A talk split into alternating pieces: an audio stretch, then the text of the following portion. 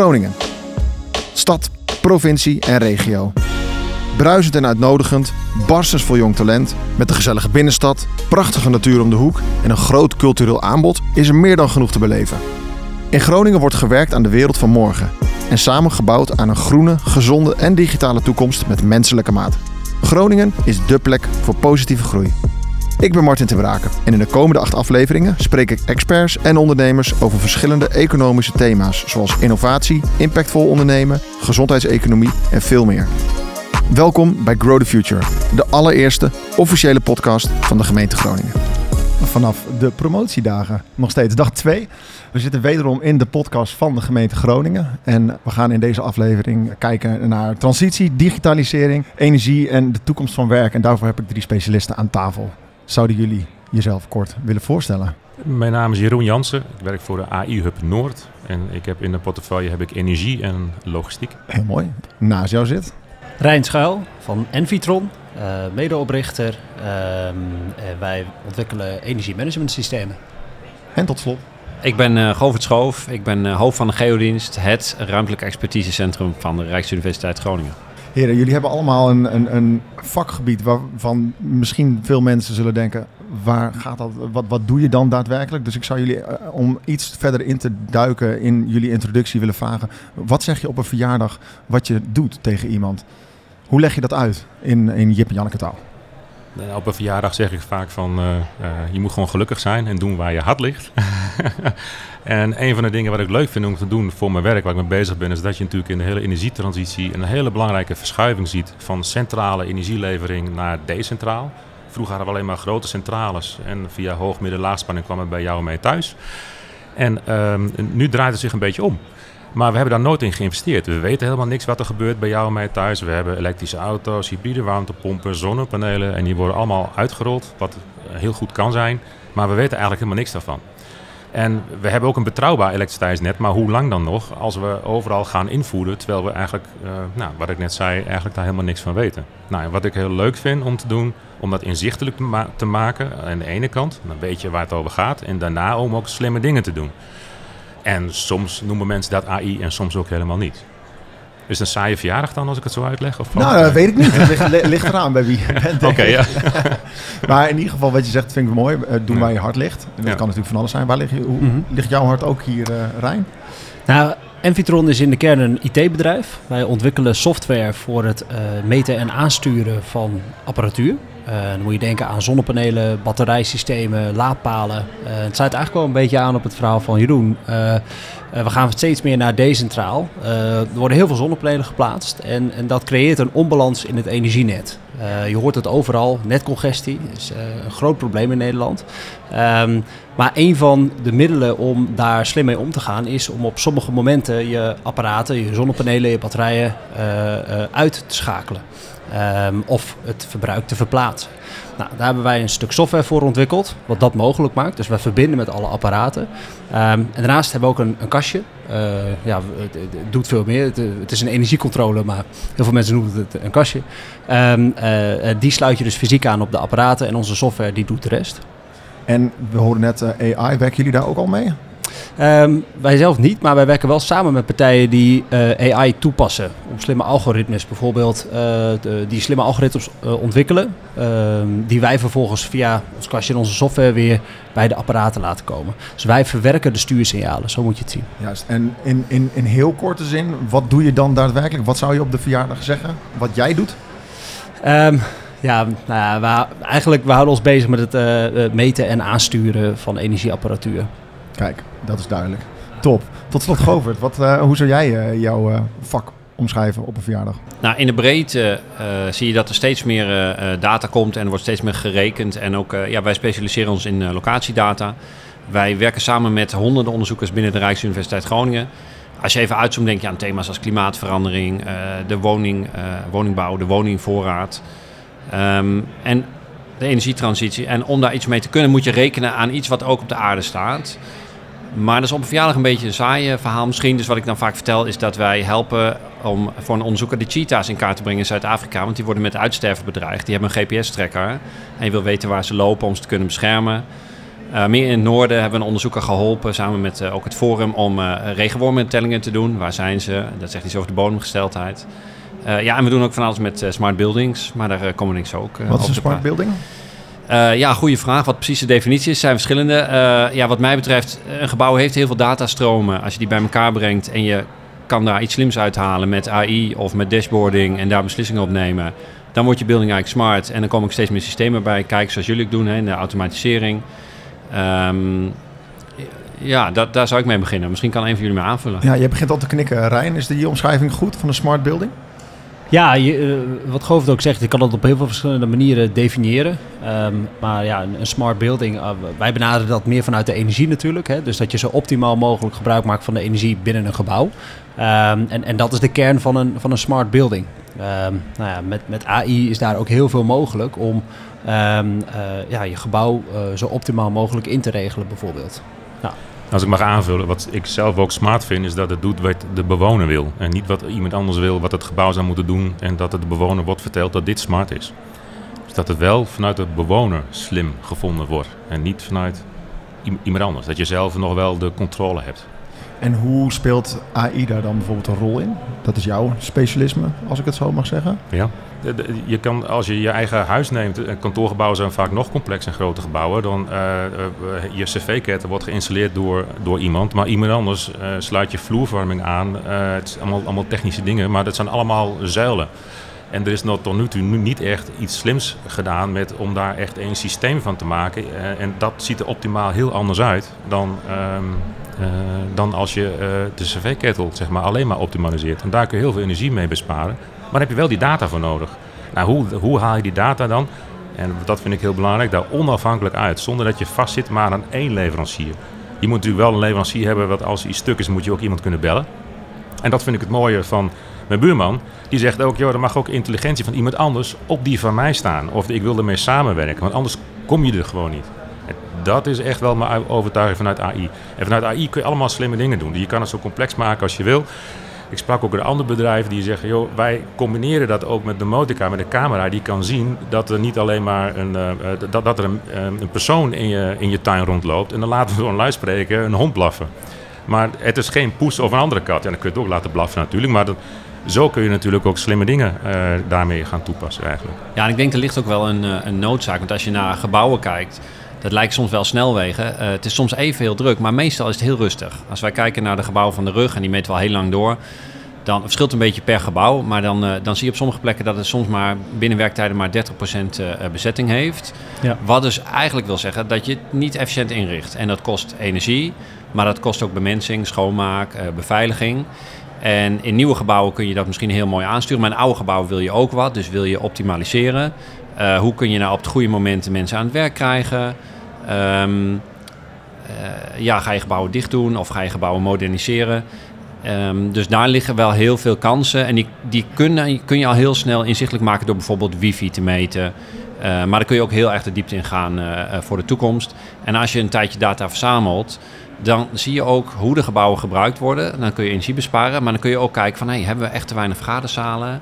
Of niet. En dan leert je ook wat je eigenlijk nodig hebt in je, in je organisatie. Ik spreek uh, op deze beurs veel ondernemers. Heb je, hebben jullie het idee dat uh, veel ondernemers zich hier al zo bewust van zijn? Want wat jij nu uitlegt is dat het dus allemaal nog veel beter en slimmer en mm -hmm. uh, duurzamer ook kan. We kijken ja. natuurlijk naar de toekomst. Dat is ook ja. een beetje het thema van deze dagen en ook wel overkoepelend van de podcast.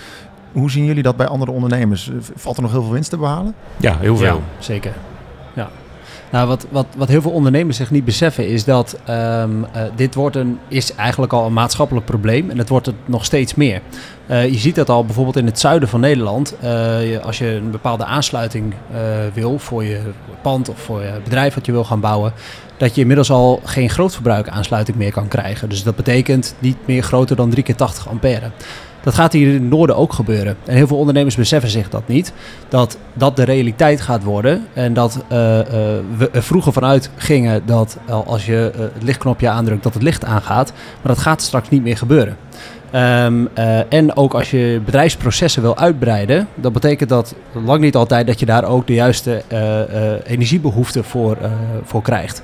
Ehm, dus wat we nu al wel zien, is dat ehm, eh, daar slimme oplossingen voor komen. En eh, ja, dat kan aan de ene kant zijn vanuit de technologie, zoals wij dat doen. Maar aan de andere kant kun je dat ook oplossen door, eh, door samen te werken met andere ondernemers. En dat zie je nu dat daar verschillende nou ja, oplossingen ook vanuit de netbeheerders ontstaan. Jij noemde het net al, van de aansluiting bij heel veel bedrijven wordt nooit echt helemaal gebruikt. Of nooit continu helemaal. Maar vanuit de netbeheerder, die dus de aansluiting eh, regelt voor de bedrijven, ehm, die gaat ervan uit dat jij altijd volledig het verbruik eh, eh, afneemt wat jij wat je gecontacteerd hebt. Dus dat je altijd die snelweg ter beschikking hebt. Terwijl je misschien maar af en toe eens daar overheen rijdt. Nou, als je dat samen combineert met andere bedrijven, dan kun je als, als groep kun je daar naartoe gaan, naar het netbeheerder en zeggen van joh, wij willen als groep willen wij een, een, een weg hebben. Ehm, en dan gaan wij zelf wel regelen wie wanneer daar overheen gaat. Dus eigenlijk gewoon een, een, een hernieuwd systeem van contractonderhandeling met energieleveranciers. Ja, Kunnen we het zo zeggen? eigenlijk wel. Ja, Ik dat is denk één wel van de breder, oplossingen. Rijn, Rijn, ik denk ook wat heel mooi is dat je gewoon bijvoorbeeld een bedrijfsterrein neem jij gewoon voor je rekening. En dan zeg je Ja. tegen de netbeheerder, joh, zorg mij dat er 100 aansluitcapaciteit is en ik zorg wel hoe dat het goed verdeeld wordt eronderin. Ja. Moet wel wat veel veranderen nog wel, maar ja, ik denk dat we daar wel heen gaan.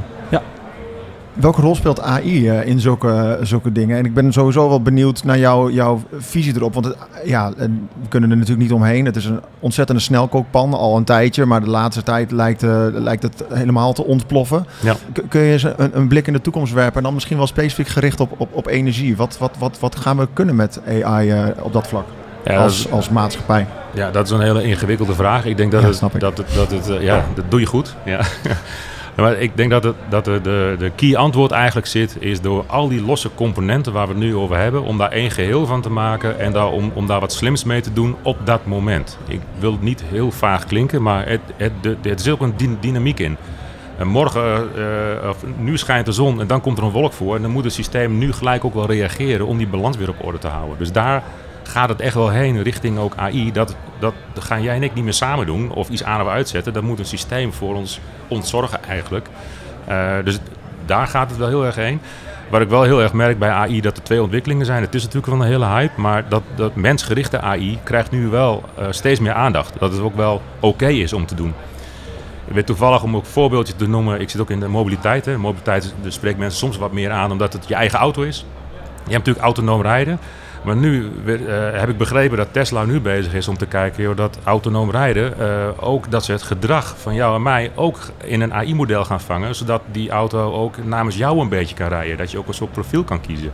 Dat je toch iets sneller die kruising dat je alsnog kan. eh, voor kan sorteren. Ja, nou, bijvoorbeeld. wat- ja, ja, precies. Ja, ja, ja. Nou, maar, en dan kom je wel weer in hele andere discussies terecht. Van, joh, willen we dat eigenlijk wel, die kant op? En is dat ook wel wel oké?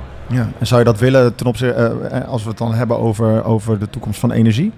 Dat, dat AI daar wat, eh, dat je dat wat meer kan sturen, toch? Dat mensgerichte AI? Ja, ja, ja, zeker. Dat je zelf altijd in een lead blijft om, om, om te bepalen van welke slimmigheid jij gebruik wil maken. En dat het niet tegen je gebruikt wordt. Dat vind ik zelf een heel belangrijke. Nee, er is echt inderdaad een, een, een, een menselijke kant aan het AI. En je ziet daar altijd ja, de, de bedrijven en met name de mensen die ja, hun, hun werk zien veranderen door AI. Hè, dus werk wat geautomatiseerd kan worden. Die, die vinden dat met name heel spannend. Hè, omdat ze denken van, oh, dit gaat straks mijn, mijn baan kosten. Terwijl dat eigenlijk helemaal niet het geval is. Eh, juist eh, AI is in ieder geval van de oplossingen die ik nu zie die in de markt ontstaan. Dat werkt samen met de mensen die in het vak zitten. Ehm, maar voor sommige toepassingen, eh, met name in de energietransitie, is AI een hele logische oplossing. Je moet je voorstellen, eh, een AI-model eh, met alle datastromen in een gebouw kan 24-7 er zijn en 24-7 optimaliseren. Ehm, en eh, zeker met de schaarste in kennis, in personeel, wat er aan zit te komen op technisch vlak, ehm, ja, kan AI daar een, een hele mooie rol in spelen. Dat is eigenlijk meer de oplossing dus. Voor veel Eh, problemen ook. Een oplossing. Een oplossing. Ehm, eh, maar ja, eh, het, het, het is zo dat een, ehm, eh, een AI-systeem, een algoritme, ja, die is er altijd. En die kan nou ja, op basis van data veel beter een gebouw optimaliseren dan dat ieder persoon dat kan. Daarnaast hebben we natuurlijk wel mensen nodig die dat beheren, die dat inregelen. Maar ja, die markt gaat veranderen. Ehm, als ik zie naar hoe er vijf jaar geleden gekeken werd naar zulke oplossingen, was dat met name heel eng. Maar ik merk wel dat die verandering ook wel snel gaat. Dat mensen zich ook al echt interesseren in van hé, wat kan het voor mij betekenen? In ieder geval als ik bij, bij klanten zit. Die staan er wel voor open om het gesprek erover aan te gaan. Ja, ik, ik herken dit wel hoor. Want wat eh, ik begrijp dat sommige organisaties nu doen, die, eh, die laten een telling uitvoeren. Hoe druk is het waar? Hoe wordt het gebouw gebruikt? En dat doen ze dan periodiek, elke twee jaar. En daar wordt dan het beleid op gebaseerd. Terwijl met relatief weinig moeite zet je de meting aan. Elke vijf, minuten komt er data binnen. Uh, en dan ben je dus heel goed bij. Kun je uh, echt optimalisatiebeslissingen nemen. Een voorbeeld bij ons bij de Rijksuniversiteit is de Universiteitsbibliotheek. Die tot 15% energie heeft bespaard. Door te kijken naar wanneer zijn de studenten er nou. En als er heel dik, uh, dicht tegen de sluitingstijd toch nog heel druk was. Dan was er blijkbaar toch nog een behoefte om te studeren. Nou hebben ze dus in sommige gevallen de openingstijden verruimd. In andere gevallen hebben ze die teruggeschroefd. Ze hebben ook gekeken naar hoe worden de computers gebruikt. Zijn er mensen ingelogd? En soms werden er weinig computers ge gebruikt. Terwijl computers kosten geld, terwijl er wel veel studiebehoefte was. Dus daar konden ze ook optimaliseren. Uh, dus die hebben tot 15% energie bespaard met dingen die je nou ja, uh, vrij snel kan implementeren. Dat is nog niet de advanced AI. Dan ga je ook meer natuurlijk voorspellen, kijken naar verschillende factoren. Maar het begin is heel laagdrempelig. Dus ik zou ook eigenlijk ja, het noorden wel willen uitnodigen om hierin samen te werken. En te kijken van, hé, hey, die oplossingen zijn er. Binnen de rug hebben wij veel kennis. Ik sta open om dat te delen. Nou, er zijn bedrijven die al waanzinnige oplossingen hebben. De AI Hub Noord faciliteert dit. Dus volgens mij is dat wel een richting waarin we stappen kunnen zetten. Kijken jullie wel eens samen met, uh, met z'n drieën? Hebben jullie wel eens eerder aan een tafel gezeten met elkaar? Ja, we kennen elkaar ja, zeker. Ja, we kennen elkaar ja, zeker. Ja, ja, ja. ja, De wereld is vrij klein wel in, in Groningen, denk ik. Maar ook wel heel erg mooi. Om op aan te haken wat Govert zegt. Ik denk dat we nu ook wel... Uh, heel graag met bedrijven ook steeds meer praten. Ik maak van de gelegenheid gebruik. Uh, om te kijken, joh, um, wil ik mijn data ook delen? Want als je veel meer data weet, op een betrouwbare en veilige manier natuurlijk. Maar als je uh, data wil delen, kun je er steeds meer mee doen. En dan kun je ook ketenoptimalisatie uitoefenen. Anders lukt het niet. Anders dan blijven we allemaal in eilandjes zitten. Nou, en als we dan ook nog eens een keer doen met bedrijven die ook nou, het lef hebben om het open te doen. Om ook die kwetsbaarheid, dat ze het ook soms niet weten. Want niemand weet het alleen. En samen komen we natuurlijk van heel eind. Dus hierbij wil ik ook mensen gewoon uitnodigen en bedrijven vooral. Yo, mochten jullie interesse hebben uh, om data te delen op het gebied van energie of mobiliteit, ga naar de website van de AI Hub en la laat weten dat je daar open voor staat. Want we gaan echt iets heel moois bouwen. Heb je daar ook een, uh, misschien een, een, een mooi voorbeeld van voor de luisteraar die denkt van ja, maar hoe ziet dat dan in de praktijk dan uit? Heb je al iets, iets waar je mee kan pronken op dat, op dat vlak van data delen? Nou ja, ik noem maar even een heel, heel, heel simpel voorbeeldje, maar dat, ik denk dat het wel voor, voor, voor zichzelf spreekt. Um, ik ken een bedrijf die heeft al jarenlang heel veel uh, ervaring met het voorspellen van je gasverbruik. Als je maar een paar parameters aan hun geeft, weten ze wat jij de rest van het jaar gaat verbruiken. Dat is, dat, er zit heel veel ervaring in. Maar die willen dat niet zomaar prijsgeven, hoe ze dat berekenen. Maar ze willen wel dat wel openstellen aan andere bedrijven die bijvoorbeeld een app willen ontwikkelen, waarin ze die functie ook willen toevoegen. Uh, dat ze gewoon een online verbinding maken met het bedrijf. Uh, die sturen die data heen en krijgen de voorspelling terug. Zo blijft die intelligentie wel bij dat bedrijf. Dat is maar een heel klein voorbeeldje, maar wel hoe het dan werkt. Dus dan, dan, ja, dan, dan doe je het gedistribueerd. Dan hou je het wel bij je, maar je levert wel de output en je toegevoegde waarde. En krijg je ook een vergoeding voor. Ja, een, een ander voorbeeld wat, wat wij nu uh, vaak uh, zien in de markt is dat met name bedrijven die ook eigen transport hebben, die worden straks, die moeten naar elektrisch vervoer toe. en om een elektrische vrachtwagen bij het bedrijf neer te zetten, die moet worden opgeladen. Vaak is het zo dat zo'n laadpunt voor zo'n vrachtwagen heel veel stroom vereist. Um, en dat bedrijven daar echt een, uh, enorm mee struggelen van hoe ga ik die stroomvoorziening op het juiste pijl krijgen dat ik mijn uh, transportbedrijf, dat ja, de toekomst kan waarborgen van mijn bedrijf. Um, en uh, ja, een van de oplossingen daarin is om natuurlijk optimaal om te gaan met je energie. en dus ook te, te voorspellen van wat is mijn verbruiksprofiel. En AI die zou daarbij kunnen helpen om op basis van data uh, apparaten slim aan te sturen. Zodat je in ieder geval zo optimaal mogelijk gebruik maakt van je eigen lokale aansluiting. Um, en eventueel later nog met andere bedrijven op het terrein gaat kijken van kunnen we daar samen ook slim mee omgaan. Zodat we verbruik op elkaar gaan afstemmen. Ja. Um, Govert, even terug naar jouw specialisme. Ik ja. vertelde je al uh, van tevoren, ik, ik, ik, kende, ik kende het niet. Dus ik ja. heb een beetje ingelezen. En de voorbeelden die het meest genoemd worden bij geospatiale technologieën is kaarten. En toen dacht ik, ja. we gaan het natuurlijk hebben in deze aflevering. We hebben het ook al een beetje over digitalisering. En ineens beeld ik me in dat uh, kaarten natuurlijk een heel mooi voorbeeld zijn van digitalisering. Want ik zat vroeger op de achterbank van de auto met zo'n stratenboek van Nederland. Het is echt papierwerk en dat werd ineens digitaal. Ehm, kun je vertellen hoe het tot de tot ontstandkoming van kaarten nu, ja, hoe, hoe dat hoe dat veranderd is ten opzichte van, van vroeger. Ja, ja. Ik, nou, een, een heel mooi voorbeeld is uh, een van de eerste hele bekende kaarten ter wereld. Ik weet niet of jullie uh, Peaky Blinders kennen. Ja, zeker. Nou ja, in die tijd een beetje hoe dat toen uitzag. En, en zelfs nog wat eerder, uh, um, als we dan even naar Londen gaan, dus uit Birmingham naar Londen, maar een beetje dat beeld. Ja, Londen was echt de goorste stad ter wereld. En wanneer, wanneer was dit? 1854. Ja, oké. Okay. dus stonk enorm. Ze hadden geen riool. als je massa had, gooiden ze alles in de Theems. Maar soms gooiden ze de rommel gewoon uit het raam. Dat uh, heette dan cesspools. Um, maar daar in die buurt stonden ook overal uh, de waterputten, want mensen moesten wel drinken. En uh, ja, regelmatig werden mensen ontzettend ziek. Dus in 1854 hadden ze een cholera-epidemie. En de mensen stierven echt bij, bij tientallen. Um, en toen was er één dokter, John Snow, niet uit de serie, maar een arts destijds. En die zei van, hey, ik pak de kaart van Londen en ik ga een streepje zetten bij elk adres waar iemand overleden is. En als je die kaart ziet, die kun je nog steeds opzoeken, de John Snow uh, Cholera Map. Dan zie je een clustering rond die waterput van Broad Street. En uh, ja, dat was toen eigenlijk zijn inzicht van... hé, hey, cholera gaat niet door de lucht, het gaat door het water. En dat nou, bleek te kloppen. Pasteur publiceerde iets later zijn, zijn wetten. Dus ja, bij wetenschap duurt het dan soms tien jaar voordat het geaccepteerd wordt. Maar hij had helemaal gelijk. Uh, dus door het op de kaart te zetten, zie je in één keer van... hé, hey, wat is er aan de hand? Ander, ander inzicht. Dat doen we nu ook heel veel. Dus dat concept is niet veranderd. Alleen we doen dat nu digitaal, met heel veel data eronder, met AI eronder. Um, dus één voorbeeld wat ook wel aansluit op de energie... en dat kan versterken, is ook toegankelijkheid. Uh, als jij je gebouw optimaal wil, inzetten, of wil inzetten... Uh, dan zoek je een vergaderruimte. Je wil op de kaart kijken waar is hij of waar heb ik college. Ik zoek een vergaderruimte, waar is hij? Is hij vrij? Ik boek hem. Um, bezoek je het UMCG, dan wil je weten hoe ziet dit gebouw eruit, waar moet ik zijn. Dus het, het, het levert uh, je minder stress als je al van tevoren kan inbeelden. Je weet waar een voorziening is, misschien een invalide toilet. Uh, maar dat uh, versterkt ook weer het optimaal gebruik en het energierendement. van hey, je moet kunnen vinden waar wat is. Je moet er weggewezen worden naar waar het is. Dus ook die, die, letterlijk die verbeelding voegt enorm veel toe aan het rekenen op de achtergrond. Nou, als ik je goed begrijp, gewoon, wil je gewoon eigenlijk een open platform waar je verschillende toepassingen aan kan knopen. Zowel voor de bezoeker, maar ook voor de energiemanager of voor die. Of voor ja, dat. zie ik heel erg zitten. Dus aan de ene kant voor de, voor de gebruikers, hè, die hebben een interface nodig. Ik zoek iets, dat wil ik vinden. Ja. Uh, voor de beleidsmaker. Um, of voor de bestuurder, die hebben een andere informatievraag. Voor de facilitair manager die, uh, of voor de beheerders die, uh, die energiesystemen willen optimaliseren.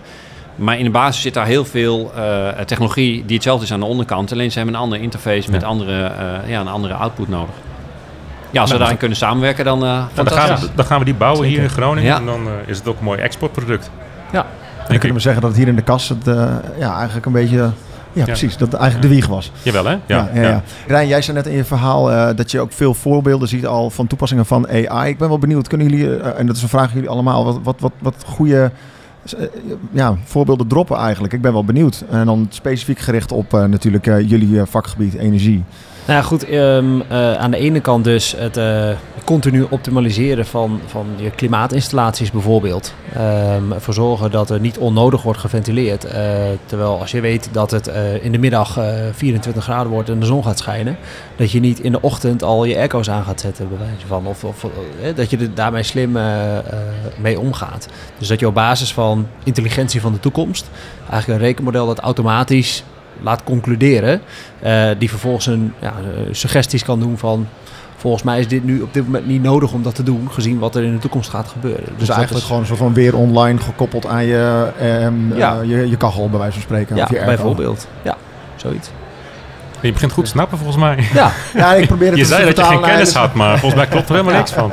Nee. Heb jij ook voorbeelden vanuit jouw... Ja, nou, eigenlijk is het, is het op hoofdlijnen een beetje hetzelfde als wat, wat Rijn zegt. Het is juist het aan elkaar koppelen van dingen die je op, op, nu, nu wel kan meten en vroeger eigenlijk niet. Wat ik net eigenlijk zei, met, dat je op basis van camerabeelden kan zien wat je ziet, zeg maar, of de mens is of een hond of een, of een bezorger, dat je op basis daarvan slimme dingen met je huis eigenlijk kan doen, zodat je je ook comfortabel en eigenlijk veilig voelt. Nou, dat, dat zie je nu geïmplementeerd worden in verschillende domotica-apps. Uh, dat vind ik mooi. Wat een leuke Uh, wat niet met energie te maken wat ik zelf wel leuk vond, is dat uh, nou, ik ben ook persoonlijk wel geïnteresseerd in die diskprofielen. Hè? Hoe, hoe je een beetje zeg maar, zelf bent. Je bent of blauw, rood of geel. Of, die, die, die, ik denk dat veel mensen die denk ik wel kennen. Je hebt nu ook een add-on tool voor LinkedIn om te kijken, oké, als ik die, die persoon wil benaderen, hoe kan ik dat het beste doen? Dat is een AI tool voor. Ik dacht, nou, dat kan toch niet? Dus ik heb het bij mezelf toegepast. En er komt echt heel veel anders uit wat een echt diskprofiel eigenlijk maakt. Dus en, ehm, ehm, dat vind ik wel, wel mooi om te zeggen. Dat je wel moet blijven nadenken wat zo'n tool ook zegt. En ik zie nog wel een risico in als mensen zonder uh, uh, kennis eigenlijk blindelings gebruik maken van een AI-uitkomst omdat je die niet in een goede context kan plaatsen. Om daar, ja, je, je kan eigenlijk niks van vinden, maar je neemt het wel snel aan van de waarheid. En daar zie ik nog wel een risico in. Dat is een mooi bruggetje naar wat ik wilde vragen. Zijn er eigenlijk ook, wat, wat zijn in jullie ogen de nadelen aan AI? Heel zijn die er überhaupt? Als ik even één voorbeeld mag geven ja, wat, uh, om inhaken van waar AI een goede toepassing voor is. is uh, uh, binnen ons bedrijf, nou, we zijn dus eigenlijk een IT-bedrijf, zijn we met 15 man. Um, als ik zie wat voor impact eh, tools als ChatGPT hebben gehad op onze manier van werken en onze efficiëntie binnen het bedrijf. Ze hebben heel ander gerelateerd, maar... Je had 30 man in dienst? Ja, dat is echt. Uh, nee, dat Heel goed voor de economie. Uh, voor, voor iedereen uh, gebruikt het dagelijks. En uh, dat zorgt ervoor dat we zoveel efficiënter uh, ja, uh, ons werk kunnen doen. Zeker als het gaat om programmering, coding, is het echt een uitkomst. Dus het is ook misschien niet echt gerelateerd aan energietransitie, maar wel iets wat ons heel, heel erg helpt in onze dagelijkse bedrijfsvoering. Ja. Het heeft wel te maken met de toekomst van werk. Ja, ja eens. Absoluut. En ja, wees er ook open in, hè, dat als jouw programmeurs dat ook doen, zeg gewoon dat het door ChatGPT is gemaakt of wat dan ook. En doe niet geheimzinnig. Dat vind ik wel een hele belangrijke. Ja. En hun hebben ook kennis van zaken. Dus hun kunnen ook beoordelen wat daaruit komt. Of het ja. oké okay is of dat het anders moet. Klopt, ja. Dus met AI kom je eigenlijk verder, ja. sneller. Zeker, absoluut. Ja. Werk jij veel met AI? Ja, we werken veel samen met uh, het data science team uh, binnen het rekencentrum. Uh, veel mooie, mooie voorbeelden. bij ruimtelijke wetenschappen gebruiken ze een soort open source variant van DALI. Als jullie dat misschien kennen, dat is een image ja. generator. en er zijn heel veel verschillende toepassingen voor. Bijvoorbeeld Normaal gesproken ga je bewoners vragen wat willen jullie en de architect gaat uh, een soort ontwerp maken. Maar nu kun je gewoon een stukje selecteren en maak dit uh, Victoriaans. Uh, hè, dus je kan heel snel prototypen, dus dat is een heel leuk voorbeeld. Um, ja, zo zijn er veel verschillende projecten. Eén onderzoeker is bezig, maar dat is nog niet klaar een project met geothermal energy. De potentie in heel Nederland om ja, geothermal energy op te wekken. Dus daar wordt allerlei bodemdata doorgerekend. En dat komt vanuit uh, onder andere de Wubbe Ockel School. Dat is een van de schools van de rug. Dus die houdt zich heel erg bezig met energie. En vanuit AI, uh, ja, het AI-team helpen, we, helpen wij die ook. Ik uh, kijk even naar jou, Jeroen. Is AI de toekomst van werk? Nou, ik denk dat je er bewust van moet zijn wat het is, wat het kan doen en wa wat je ook zelf wil. Je moet niet, ehm, je zegt het zijn er ook schadelijke dingen, die zijn er zeker wel. ik vind zelf ook wel persoonlijk dat ehm, dat mensen ook en bedrijven ook misbruik kunnen gaan maken omdat ze dingen uh, jou uh, ja, eigenlijk do doordrukken omdat ze op een slimme manier weten hoe jij bent, hoe je reageert en daar moeten we wel een balans in kunnen blijven vinden, zeg maar. Dus ja, het verandert wel, wees je bewust van. Ik vind ook dat de, in de opleidingen allemaal moet komen. Altijd een component van hoe, hoe ga je daar eigenlijk mee om? Net als vroeger hoe we met internet toen het nieuw was. Dat we ook allemaal moeten leren hoe we daarmee omgaan en ook de jeugd. Um, om een voorbeeld te geven, wat ik gelezen heb bij, bij Amazon, als je daar gaat solliciteren, wordt je sollicitatiebrief en je cv door AI geanalyseerd. Je wordt aangenomen uh, door AI, je krijgt die codes met AI, je wordt als heftruckchauffeur wordt je beoordeeld met AI je wordt ontslagen met AI. Nou, dat vind ik persoonlijk gewoon niet oké. Dat De menselijke kant vind ik nog wel heel erg belangrijk. Hè? Je vroeg net naar de risico's en de dingen wat eigenlijk niet kan. Uh, maar ja, ik denk dat iedereen niet daar bang voor moet zijn. Ook de mogelijkheden in, in, in moet zien. En veel zit in efficiëntie. Denk ik dat daar heel veel te halen is. Uh... Wat jij net al zei, uh, Rijn. Ja. Ja, ja. echt het optimaliseren van uh, processen, daar zit heel veel potentie in. Maar inderdaad, als je vervolgens daar mensen op gaat beoordelen, um, ja, dan, dan wordt, er komt toch gauw weer een ethisch aspect ook uh, om de hoek kijken. Van uh, ja, hoe, uh, hoe kijken we daarna met z'n allen? Um, en is het terecht of is het niet terecht? een ander voorbeeld is dat als je bij sommige auto's die verzamelen data over jouw rijstijl. En als jij continu te hard rijdt, kan dat een effect hebben op jouw bijtelling of op jouw verzekering. Er zijn sommige leasebedrijven die doen dat. Ja, is dat terecht? Is dat niet terecht? Daar kun je het over hebben. Nou, denk je? Is het terecht? Ja, ik rijd niet heel vaak te hard, dus... Uh... Vaker zo subjectief. ja. ja.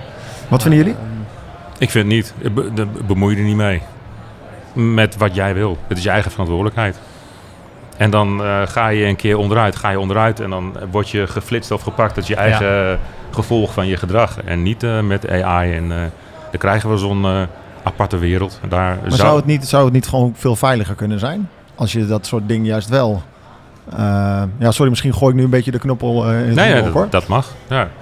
Weet ik niet. Ik weet niet of het veiliger is. Misschien, kijk, uh, wat je ook wel ziet steeds meer met autonoom vervoer, is dat mensen ook niet meer opletten. Die, die gaan wat anders doen. En, en, en ik vind het altijd de verantwoordelijkheid van jou en mij zelf of het veilig is. En dat we daar elkaar op over aanspreken. Van joh, let nou even op of doe het nou even niet. Hetzelfde als met uh, appen onderweg, weet je wel. Doe je dat wel of niet? Dat, dat vind ik veel meer bij jou liggen dan van iets slims wat zegt van... hé, hey, dat mag jij niet doen. Nee, klopt. Want hey, wat wel eens een ander voorbeeld. Uh, ik ben zelf nu bezig samen met mijn vriendin om een huis te kopen. Nou, als ik zie uh, hoe, hoe dat proces gaat, um, daar ehm, ja, moet je toch wel ook kunnen aantonen dat je een bepaalde mate van inkomen hebt om een huis te kunnen kopen. Dus in dat opzicht is het dan wel heel normaal dat je wel aantoont uh, dat je iets kan of dat je iets uh, dat je ergens goed in bent of dat je nou ja, goed kan rijden. Maar um, om daar vervolgens, ja, dus daar wordt nu ook al een oordeel op gemaakt. Maar ja, met AI kan dat in potentie dus heel veel verder gaan. je hebt voorbeelden als in China, wat je daar ziet. nou, daar word je volledig bijgehouden ongeveer. Um, ja, zover denk ik niet dat we moeten laten komen hier in nee, Nederland. Nee, dat is natuurlijk het uiterste. Ja, dat is natuurlijk het uiterste. Maar Waar we niet willen komen. Nee. Tenminste, Misschien ook wel. Uh, China, nee, lijkt me niet, qua academische vrijheid. Nee. Zijn er, als je kijkt naar de toekomst van werk, ook bepaalde vaardigheden of competenties? We zijn hier natuurlijk op, de, uh, op, op een vakbeurs waar heel veel professionals rondlopen. Uh, studenten misschien wel, die in de toekomst werk gaan vinden. Wat voor moeten mensen zich gaan richten op bepaalde andere competenties en vaardigheden als ze met AI ja, zich in, in, in, in het professionele veld willen gaan begeven? Je kijkt mij aan, dus ik denk... Nou, ja, dat is, ik probeer jullie allemaal een beetje aan te kijken. Ja, ja, dat, ja. voor jullie allemaal. ja. Nou, ik denk in het algemeen dat uh, welke specialist je ook bent, koester dat. En uh, wat ik net zei, doe, doe wat je hart uh, vindt. Als je graag A wil worden, ga er ook voor en ga er volledig voor. Maar hou je ogen open wat er mogelijk is als je die data, wat daarmee te maken heeft, gaat delen met, met, met je omgeving. Ja. En dan kun je er wellicht veel meer mee doen. En maak dan een besluit, wil ik dat delen of niet? Ja. En dat, dat, dat, bedoel ik ook heel simpel en concreet. Dus ga niet te veel veranderen. Blijf jezelf gewoon volgen. Maar uh, denk wel mee met je omgeving en niet alleen maar met je eigen blokje. Ja. En dat vraagt wel heel veel andere vaardigheden hoor. Dat, uh, ik zit dan meer in de energie. Dat die man die de warmtepomp uh, installeert, dat hij ook moet nadenken dat je vloerverwarming hebt en zonnepanelen. Dan denkt hij, ach jee, ik wil gewoon naar dingen installeren en ik wil naar huis toe. Want nou, ik chargeer bewust nu een beetje, want om vijf uur staan aardappels klaar en dan moet ik gewoon thuis zijn. En, en, en ik bel me nou niet, want ik zet de, de, de pomp op vloerverwarming stand nummer drie, want dan is de kans kleiner dat je mij belt. Terwijl dat niet echt slim is voor de energie. Dus die, dat, dat we veel meer leren om in je omgeving na te denken in plaats van alleen maar je eigen blokje. Dat is eigenlijk wat ik wil zeggen. Het grote ja. plaatje zien. Ja. ja, ik denk wel dat het ook uh, belangrijk is dat we het wel blijven benoemen, want uh, de wereld digitaliseert en ook ons werkveld op uh, energietechniek digitaliseert helemaal. Je, je, moet tegenwoordig haast als, als elektro-installateur moet je al een halve ICT'er zijn om goed dingen op elkaar aan te sluiten. Ja. Nou ja, goed, dat, Um, dat zijn ook wel de mensen die wij zoeken, die aan de ene kant um, uh, verstand hebben van elektrotechniek, van hoe zitten technische installaties in elkaar, maar aan de andere kant ook van datacommunicatie.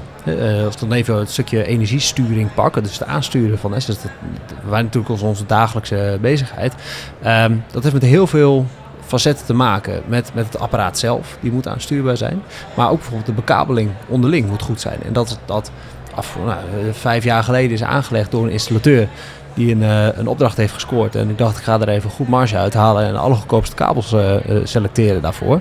Ja, dan is dat al wel, dat heeft invloed op het ja, slim aansturen van die apparaten. Dus ja, moet je dat wel kunnen herkennen en dat, dat zien.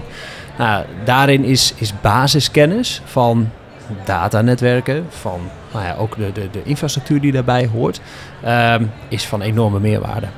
Ja. Dus, dus opleiding moet eigenlijk zich nog breder focussen op data-interpretatie? Of... Ja, in, in, in ons werkveld is dat uh, ja, heel wenselijk inderdaad. Ja. Ja. ja. binnen de universiteit zien we ook wel dat technische skills steeds belangrijker worden. Dus ja, je kan het je haast niet veroorloven om geen technische skills te hebben.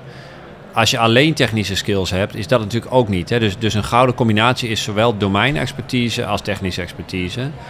Ehm, en het kan natuurlijk wel dat je echt een pure developer bent of een analist.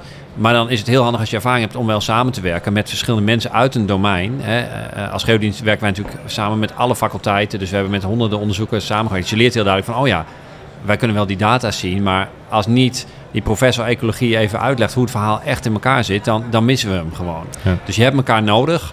En het kan zijn dat je iemand hebt die een beetje een voet in elk vakgebied heeft. Dat is heel handig. Uh, en anders moet je wel realiseren dat jij of domeinexpert of technisch specialist bent. Maar dan, dan kun je het niet helemaal alleen. Ja. Dus je zoekt een, uh, dus je zoekt een uh, sociaal vaardige techneut met domeinkennis. Succes. Uh, nou, kom een keer langs van ons. nee, jij zit natuurlijk op de plek waar het allemaal gebeurt. Waar, waar, die, waar die verandering uh, gemaakt wordt en misschien nog wel meer gemaakt zal moeten worden. Ja, klopt. klopt. Ja, nee, er is natuurlijk veel interesse in de, in de studenten die bij uh, de rug opgeleid worden. En wij doen ook een stukje technische opleiding. werken we samen met verschillende faculteiten. ja, dus die, de behoefte is er, maar ook juist op domeinexpertise. Bijvoorbeeld bij ruimtelijke wetenschappen, daar komen mensen ook naartoe, juist omdat ze kennis hebben van hoe dat vakgebied in elkaar zit. Ja. Tot slot, heren. Ik moet het even oplezen omdat ik anders de cijfers misschien niet goed heb. Ik las een artikel van Stijn Bronswaar in het NRC. En het ging over OpenAI. En dat het een half jaar geleden zo'n 564 megawattuur per dag verbruikt. Wat gelijk staat aan het stroomverbruik van 80.000 Nederlandse gezinnen. En we hadden het net over dat AI de toekomst is van werk. Rijn, jij zei al dat iedereen bij jou eh, dagelijks OpenAI, ChatGPT gebruikt. Wat denken jullie? Zijn we, zijn we op de goede koers en zijn we klaar voor nog meer verbruik van AI? Je wil het koppelen aan de energieverbruik. Wat ja. AI, uh, ja. ja. dat snap ik hartstikke goed. En er zijn ook gigantische, uh, om, om die rekenmodellen te trainen, dat kost ook echt heel veel energie. En, en, en goed dat je dat noemt, daar moeten we super bewust van zijn. Uh, dus uh, ja, ik weet niet precies wat je vraag is, maar dat moet je wel meenemen. Want ja, je kan uh, links wel 10% besparen, maar als dat veel meer kost aan de andere kant door AI te gebruiken, nou, dan moet je afvragen of dat slim is. Nou, is dat helemaal eens? Nou, nou ja, ik denk, moet je per situatie bekijken en soms is het ook niet. Zo, het, het, is niet de gouden oplossing. En misschien zijn er simpele, nou, de, de if-then-else statements ook wel heel erg handig soms. Om het maar even meer in vaktaal te... Ja, ja, ja, nou goed, de, ja, de impact van uh, de, de rekenkracht die nodig is, die zien we hier zelf in de regio natuurlijk ook ontstaan. Je ziet datacenters uh, hier uh, in het mooie Groningse landschap aan de horizon verschijnen. Aan de horizon verschijnen, inderdaad. Ehm, ja, dat is wel het effect. Maar um, ja, ik ben er wel van overtuigd dat dat zeg maar, op de lange termijn en over de hele keten uh, minder impact uh, heeft dan het in stand houden van bestaande fossiele industrieën. Um, en, en, ja, dat gaat wel gepaard met het bouwen van datacenters. Um, maar ja, als je het over de hele linie bekijkt, um, heeft het minder impact uh, voor de toekomst. Zolang we die datacenters maar smart inrichten aan de binnenkant. Precies. Ja, ik zou er wel aan uh, willen toevoegen. Laten we vooral uh, goede regels maken om big tech een beetje onder controle te houden. Want die stoppen er heel veel geld in en die verbranden ook heel veel energie. ja, ik vind persoonlijk dat dat, ja, dat, daar kunnen we best wel strikt op zijn. Dus die hebben heel veel invloed, ook in de socials, hè, de grootste propagandamachine ter wereld, maar ook in dit soort initiatieven. En de vraag is, willen wij niet wat meer van die macht naar het volk terugbrengen? Bedankt voor het luisteren naar aflevering 5 van Grow the Future. Je kunt gelijk verder met aflevering 6. In deze aflevering spreek ik met Evelien Kronen, Irma Noorbergen en Niels Span. We hebben het over de samenwerking tussen het onderwijs en bedrijfsleven, het belang van die samenwerkingen, uitdagingen en kansen op de arbeidsmarkt. Als je de podcast leuk vindt, laat het dan vooral weten door onze beoordeling te geven in je favoriete podcast app en je te abonneren.